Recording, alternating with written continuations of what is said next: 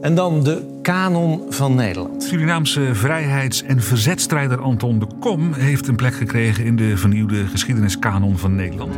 Voor mijn tienerjaren was ik me heel wel bewust van het feit dat ik een bekende opa had. Ik heb hem leren kennen als een nette, keurige, serieuze man, dus ik zag tegen hem op. Activist, verzetstrijder, communist en oproerkraaier.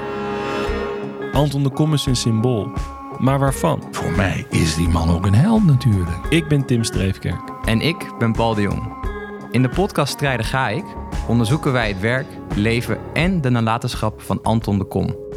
Dat onrecht wat hem is aangedaan, dat draag ik eigenlijk het hele leven bij me.